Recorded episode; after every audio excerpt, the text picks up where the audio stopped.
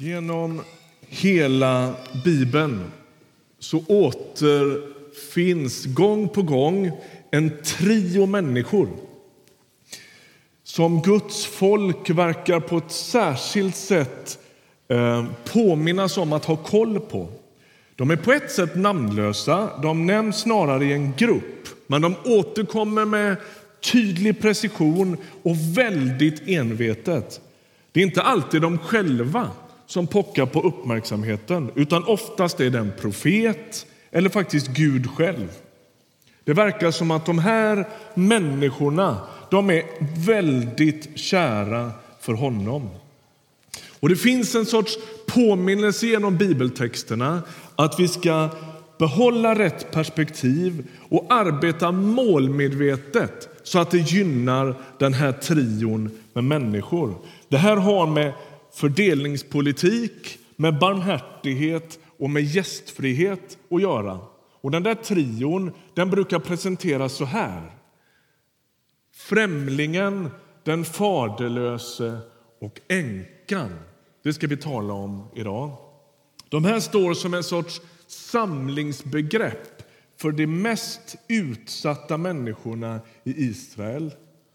De som inte har någon som för deras talan. Det är som om Gud känner ett behov av att föra den talan inför folket gång på gång.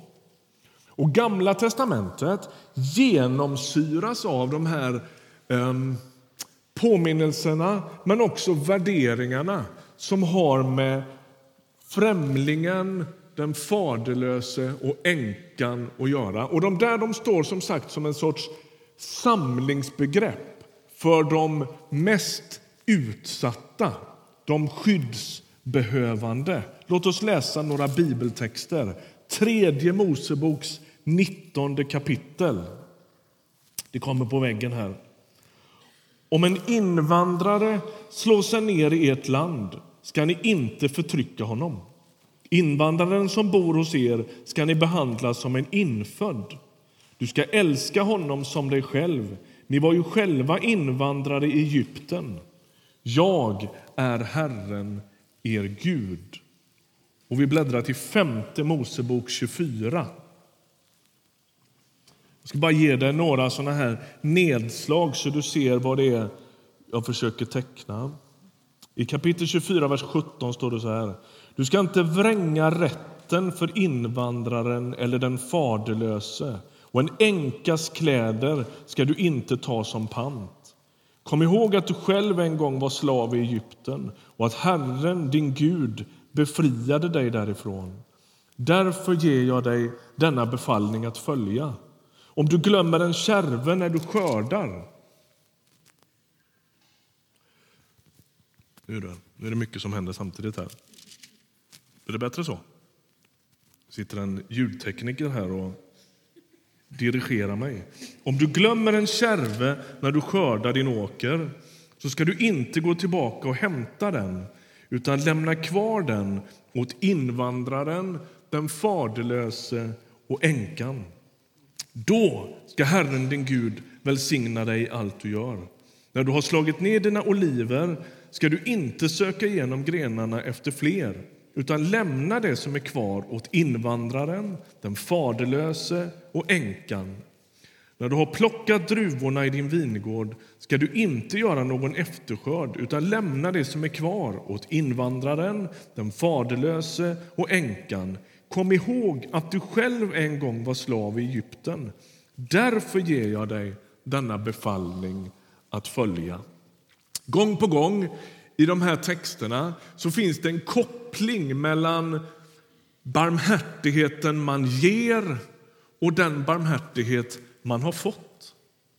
Han kopplar hela tiden i de här texterna Gud talar med folket och så kopplar han Kommer ni ihåg att ni själva var i sånt stort behov av hjälp? Därför ska ni också vara generösa med att ge hjälpen. Kom ihåg att du var en slav Hjälp nu den som flyr från slaveri. Är ni med? Vi tar en text till som jag tycker är en fantastisk text. Psalm 146.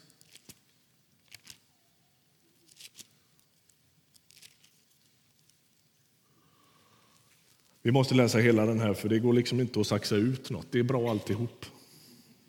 Halleluja! Prisa Herren, min själ. Jag vill prisa honom så länge jag lever. Lovsjunga min Gud så länge jag är till. Lita aldrig på mäktiga män, människor som ingen hjälp kan ge. De ger upp andan och blir jord igen. Då går deras planer om intet. Lycklig den som har sitt stöd i Jakobs Gud och sätter sitt hopp till Herren, sin Gud. Han har gjort himmel och jord och hav och allt som finns i dem. Han sviker aldrig sina löften. Och så lyssna nu. Han ger de förtryckta deras rätt. Han ger dem svältande bröd. Herren befriar de fångna. Herren öppnar blinda ögon. Herren rätar krökta ryggar. Herren älskar de trogna. Herren ger främlingar skydd stöder faderlösa och änkor men korsar de ondas planer. Herren härskar för evigt, din Gud, och Sion, från släkte till släkte. Halleluja. Så slutar den här bönen eller sångtexten. Det är som att Gud själv har ett alldeles särskilt fokus på den utstötte, på den som rör sig i marginalen. Såg du vad det stod här? Herren ger främlingar skydd. Profeterna de fördömer ofta Israel när de inte tar emot flyende människor. Profeten Jeremia till exempel han avslöjar och konfronterar Israels synd. Det är ganska dyster läsning av allt som de inte eller på vilka sätt som de sviker sin kallelse som Guds folk. Och när Jeremia ska peka på de där punkterna där Israel avfaller från Gud, då återkommer vår trio igen. Då är de med en gång till. Jeremias sjunde kapitel och från vers 5 så står det så här. Men om ni verkligen ändrar era liv och era gärningar, om ni handlar rätt mot varandra, om ni inte förtrycker invandraren, den faderlöse och änkan, inte låter oskyldigt blod flyta på denna plats och inte skadar er själva genom att följa andra gudar. Då ska jag bo bland er på denna plats, i det land som jag gav åt era fäder från urminnes tid och för all framtid.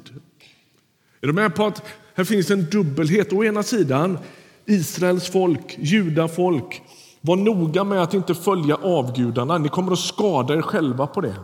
Och den andra sidan av det, lydnaden och hängivenheten som en troende människa, det är var varsam med de utsatta. Vårda dig om främlingen, den faderlöse och änkan. Det här återkommer hos alla profeterna nästan. Hesekiels pratar om detta, Sakarja, Malaki, Amos. Hela gänget talar ofta, ofta om sociala orättvisor.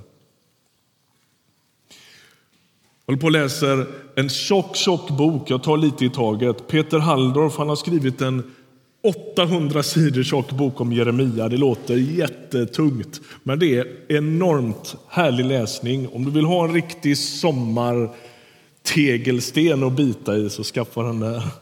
Och då, och då talar han om hur, eller han skriver där i med tanke på de här texterna, om hur juda folk om ni, ni, som har varit med här i Ryttargårdskyrkan mycket, ni vet att vi har talat om de här profettexterna och sagt att Israels folk delas i Nordriket som kallas för Israel och Sydriket som kallas för Juda. Juda det är runt Jerusalem. Och de säger sig tillbe Herren, men de lever inte i en attityd av barmhärtighet och rättvisa. Jeremia säger om dem att de är dästa av vin och de räknar sina pengar samtidigt som de fortsätter att gå i templet. Och så förutsätter de att Gud är på deras sida. Och Då skriver Peter Halldorf så här. Följden av denna praktiska ateism är upprörande sociala försummelser. De dömer inte rättvist, de driver inte den faderlöses sak till seger och hävdar inte den fattiges rätt. Människorna i samhällets marginaler, Guds favoriter, sätts envetet överst på dagordningen av profeterna. Ingenstans i den profetiska litteraturen är de marginaliserades situation förhandlingsbar. Slutcitat. Okej, okay. men det här är ju Gamla testamentet. Det låter lite strängt. Blir det inte snällare sen? You wait and see. Vi går till Lukas fjärde kapitel. Jag bygger mitt case med bibeltext idag därför att det är så viktigt. I de här frågorna så talar vi utifrån tyckanden, känslor, ehm, alla möjliga olika saker. Vi måste läsa skriften för att förstå hur vi ska förhålla oss till de stora samhällsfrågorna. Därför att skriften har massor att säga om vår tid. Och då säger Lukas 4, då kommer Jesus till sin hemstad Nasaret och ska läsa, eftersom han är på besök hemma där så får han i uppgift att läsa ur bokrullen. Och då läser han en klassisk text. Lukas 4.18. Herrens ande är över mig. Han har smort mig till att frambära glädjebud till de fattiga. Han har sänt mig att förkunna befrielse för de fångna och syn för de blinda, att ge de förtryckta frihet och förkunna ett nådens år från Herren. Han rullade ihop boken och gav den tillbaka till tjänaren och satte sig. Alla i synagogan hade sina blickar riktade mot honom. Då började han tala till dem och sa idag har detta skriftställe gått i uppfyllelse inför er som hör mig. Vad är det Jesus säger? Jo, han påstår att han kommer för att upprätta det så kallade jubelåret som Gud har befallt redan i Gamla testamentet, i tredje Mosebok. Och Det där jubelåret det innebär att skulder regleras, att fattiga får en ny chans och att en jämlikhet uppstår mellan de som inte har och de som har för mycket. Är ni med? Det där jubelåret det skulle infalla var femtionde år. Då frigavs slavar, då ströks skuldebrev. Och allt det där handlade om att inte kunna fastna i generationer i en skuldsättning till exempel, utan att få en sorts nystart, en utjämning. Det där ansågs så dramatiskt och så radikalt så att historiker och bibelforskare menar att det där sannolikt aldrig eh, förverkligades i Israel. Man, gjorde, man, man införde aldrig något jubelår, för det var för häftigt. Liksom. Vad menar du? Jag har ju min skuld att driva in. Ska jag efterskänka den? Ja, ska du. Kom ihåg att du en gång var slav i Egypten. Och så gjorde man aldrig det, vad man tror. Och så kommer Jesus och så står han i sin barndoms synagoga i Nasaret och så läser han den här texten och så säger han idag har det uppfyllts. Vad är det han säger? Jo, han säger med hans ankomst sker en utjämning. Med hans ankomst kommer ett ännu tydligare fokus på den fattige. Med hans ankomst så rör sig Guds rikes spotlighten ännu tydligare från centrum och ut i marginalen.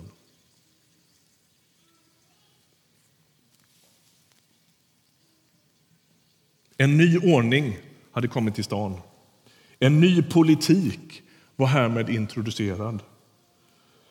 Lyssna nu. Jag ska försöka förklara detta och jag inser att jag sannolikt blir missförstådd av många här inne. Så jag, jag hävdar att det är så här. Kristen tro är politisk, men den är aldrig partipolitisk. Vi svär inga troheter till partiprogram oavsett vad de kommer att lägga fram för förslag. Men vi ägnar oss åt Jesu politik. Jag ska förklara vad jag menar med det. Vad innebär det att tillhöra Guds rike? Och Frågan är hur är man svensk och kristen på samma gång? Jag tänker så här. Vi är naturligtvis kallade att söka den stads och den lands bäst, det lands bästa där vi bor. Det som är bra för Sverige, det som är bra för Linköping och så. Och samtidigt uppstår det ju ibland intressekonflikter. Och då blir frågan, vilket rike är jag djupast medborgare i?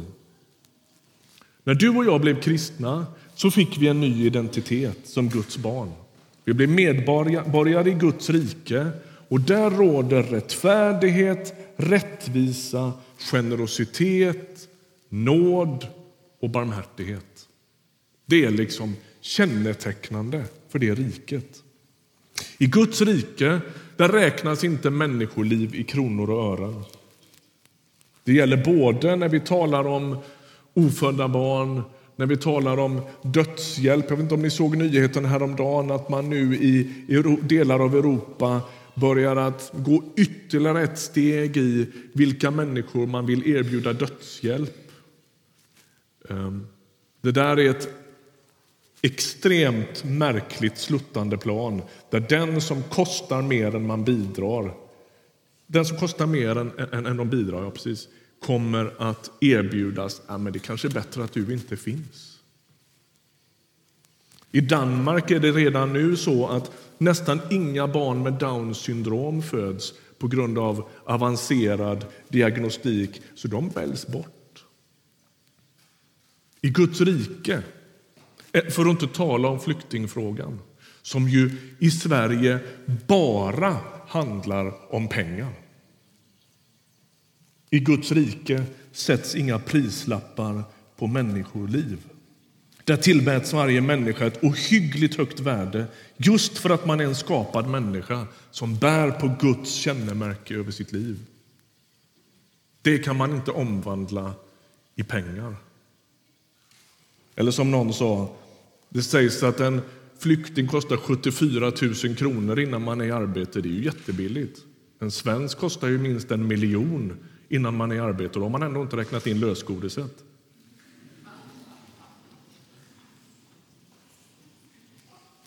Guds rike är alltså politiskt. Politik handlar nämligen om hur vi lever tillsammans. Och att bli kristen är en politisk handling.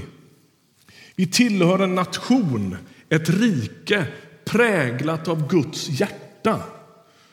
Och I det riket där ser politiken ut så här. Där kämpar man för rättvisa, barmhärtighet, försoning, upprättelse, för fred, icke-våld, generositet, allas lika värde och så vidare. Och så vidare. Och så kommer Jesus och säger med mig kommer det här nya riket. Så varje gång vi ber låt ditt rike komma, låt din vilja ske på jorden så som i himlen, då är det det här vi ber om.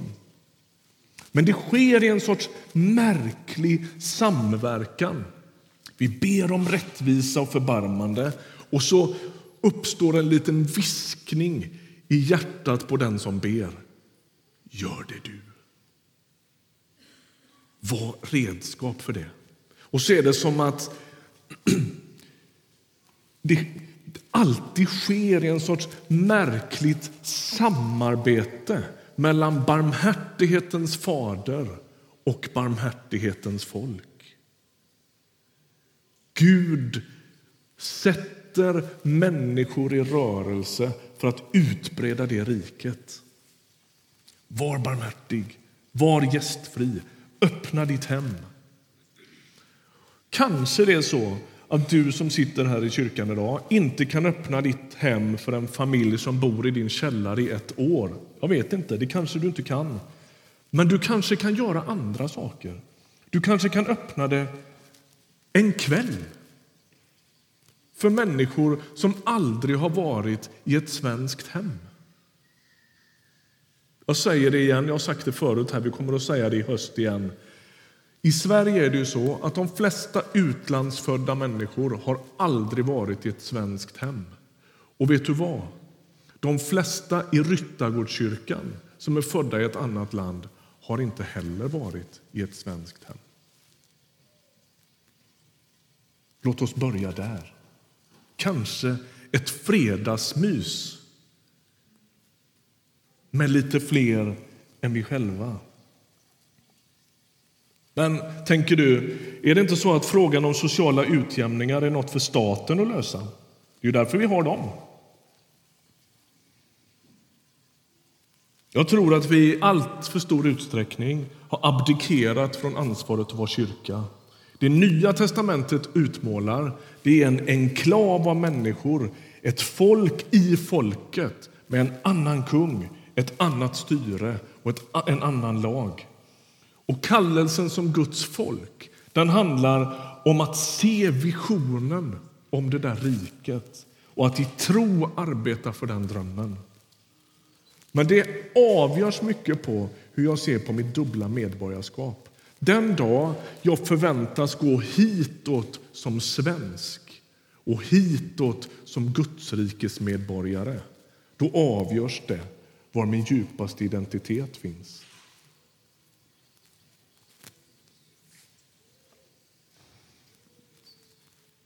Vi tar nästa. Den här bilden, nu blev det Halldorf igen, men det blev hans pojk. Så här stod det på Twitter för ett tag sedan. Jag tyckte det var så bra. Kyrkorna anklagades för att vara naiva idealister. Politiker rasade över fanatikerna som de menade drev en moral, moralistisk linje utan att ta hänsyn till hur förslagen skulle påverka ekonomin. Det var inte lätt att vara emot slaveriet i det tidigmoderna England. Är ni med? När vi säger att ja, det är inte rimligt att vi ska visa mer barmhärtighet mot människor, det är för dyrt, så har man alltid sagt så. Det sa man när man skulle avskaffa slaveriet. Och sa man ja, men det är möjligt att du ser det utifrån din kristna övertygelse. Man pratade med William Wilberforce som var Englands store kämpe i den här frågan. Han kämpade i 18 år med motioner och, och förslag och interpellationer och grejer innan man av, avvecklade slaveriet i England. Sen tog det ytterligare en massa år innan de redan existerande slavarna blev fria. Precis månaderna före William Wilberforce dog. Det ansågs för dyrt. Jag ska avrunda min predikan nu och säga så här. Det skruvas åt ännu tydligare runt Jesus Kristus. Så småningom berättar han en liknelse där en mening låter så här. Jag var hungrig och ni gav mig att äta. Jag var törstig och ni gav mig att dricka. Jag var främling och ni tog emot mig. Jesus identifierar sig med den hemlöse eller främlingen så på djupet att när människor i vår församling, jag vet att ni finns här, har öppnat sitt hem för en främling genom boende i flera år eller en fredagsmyskväll, då har man haft Jesus själv på besök. Om man då önskar stänga alla gränser för varje främling för att man ser till Sveriges bästa men struntar i Guds rikes politik, då slår man igen dörren för Jesus själv. Om man ska spetsa till det kan man säga, skulle du vilja möta Jesus, då ska du gå till marginalen. Bjud hem dem som andra aldrig bjuder hem. Det är nämligen i marginalen han alltid har bott. Och det är i marginalen han fortfarande känner sig mest hemma.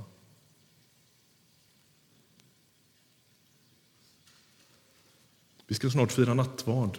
Och nattvarden är också en politisk handling. Där har alla en röst. Där har alla ett värde. Där möts alla med respekt. Där finns det inga hierarkier. Där möts vi vid nådens bord och utjämnar skillnaderna. Jesus har kommit med sitt rike, med sitt jubelår. Och det får radikal effekt för oss som önskar vara hans folk. Amen. Vi ber tillsammans. Tack att du hör bön. Tack att du ser till oss. Tack att du i din nåd Vänd dig till Ryttargårdskyrkan och till alla andra gudstjänstfirande församlingar den här dagen. Vi ber att inte få bli som judafolk som räknar våra pengar och glömmer marginalen.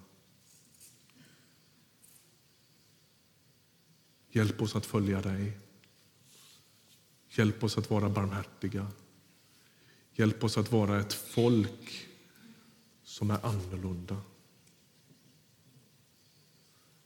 Locka oss, Jesus Kristus, att följa dig så att omvärlden höjer på ögonbrynen och undrar vad är det som är så annorlunda med det där folket.